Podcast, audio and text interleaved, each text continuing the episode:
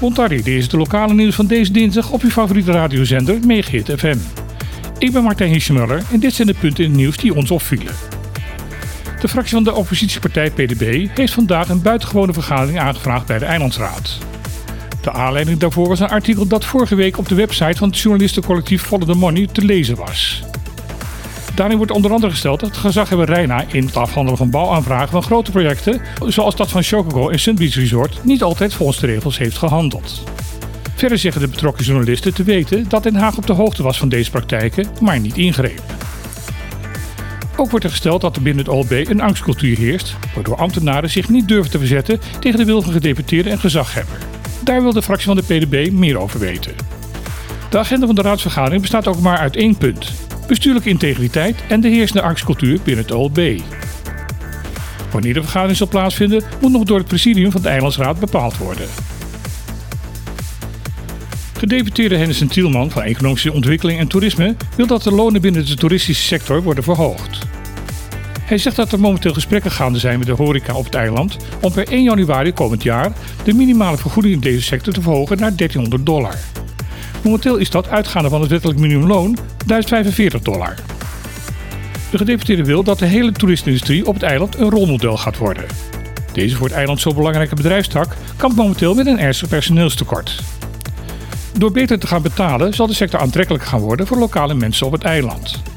Tielman wil daarmee niet alleen de kwaliteit van leven op het eiland verbeteren, maar ook de bezoeker van het eiland een meer authentieke ervaring kunnen bieden.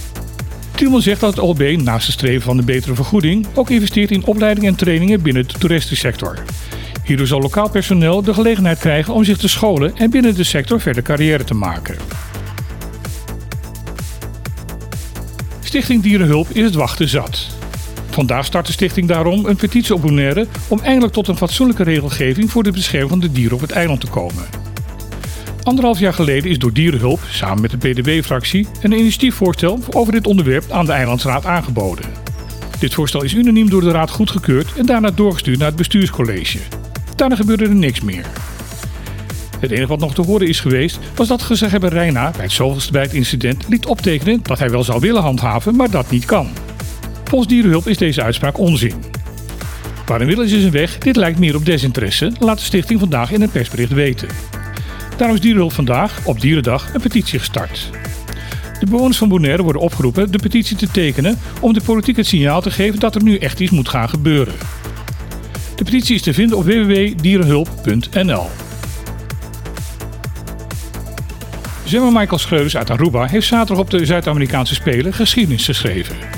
In de finale 100 meter vrije slag klokte hij een tijd van 49,82 seconden. Dit bleek goed te zijn voor een gouden plak.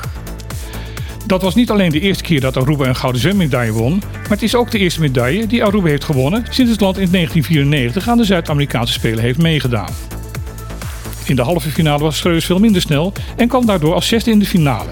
Daar bleek hij op het juiste moment te kunnen pieken.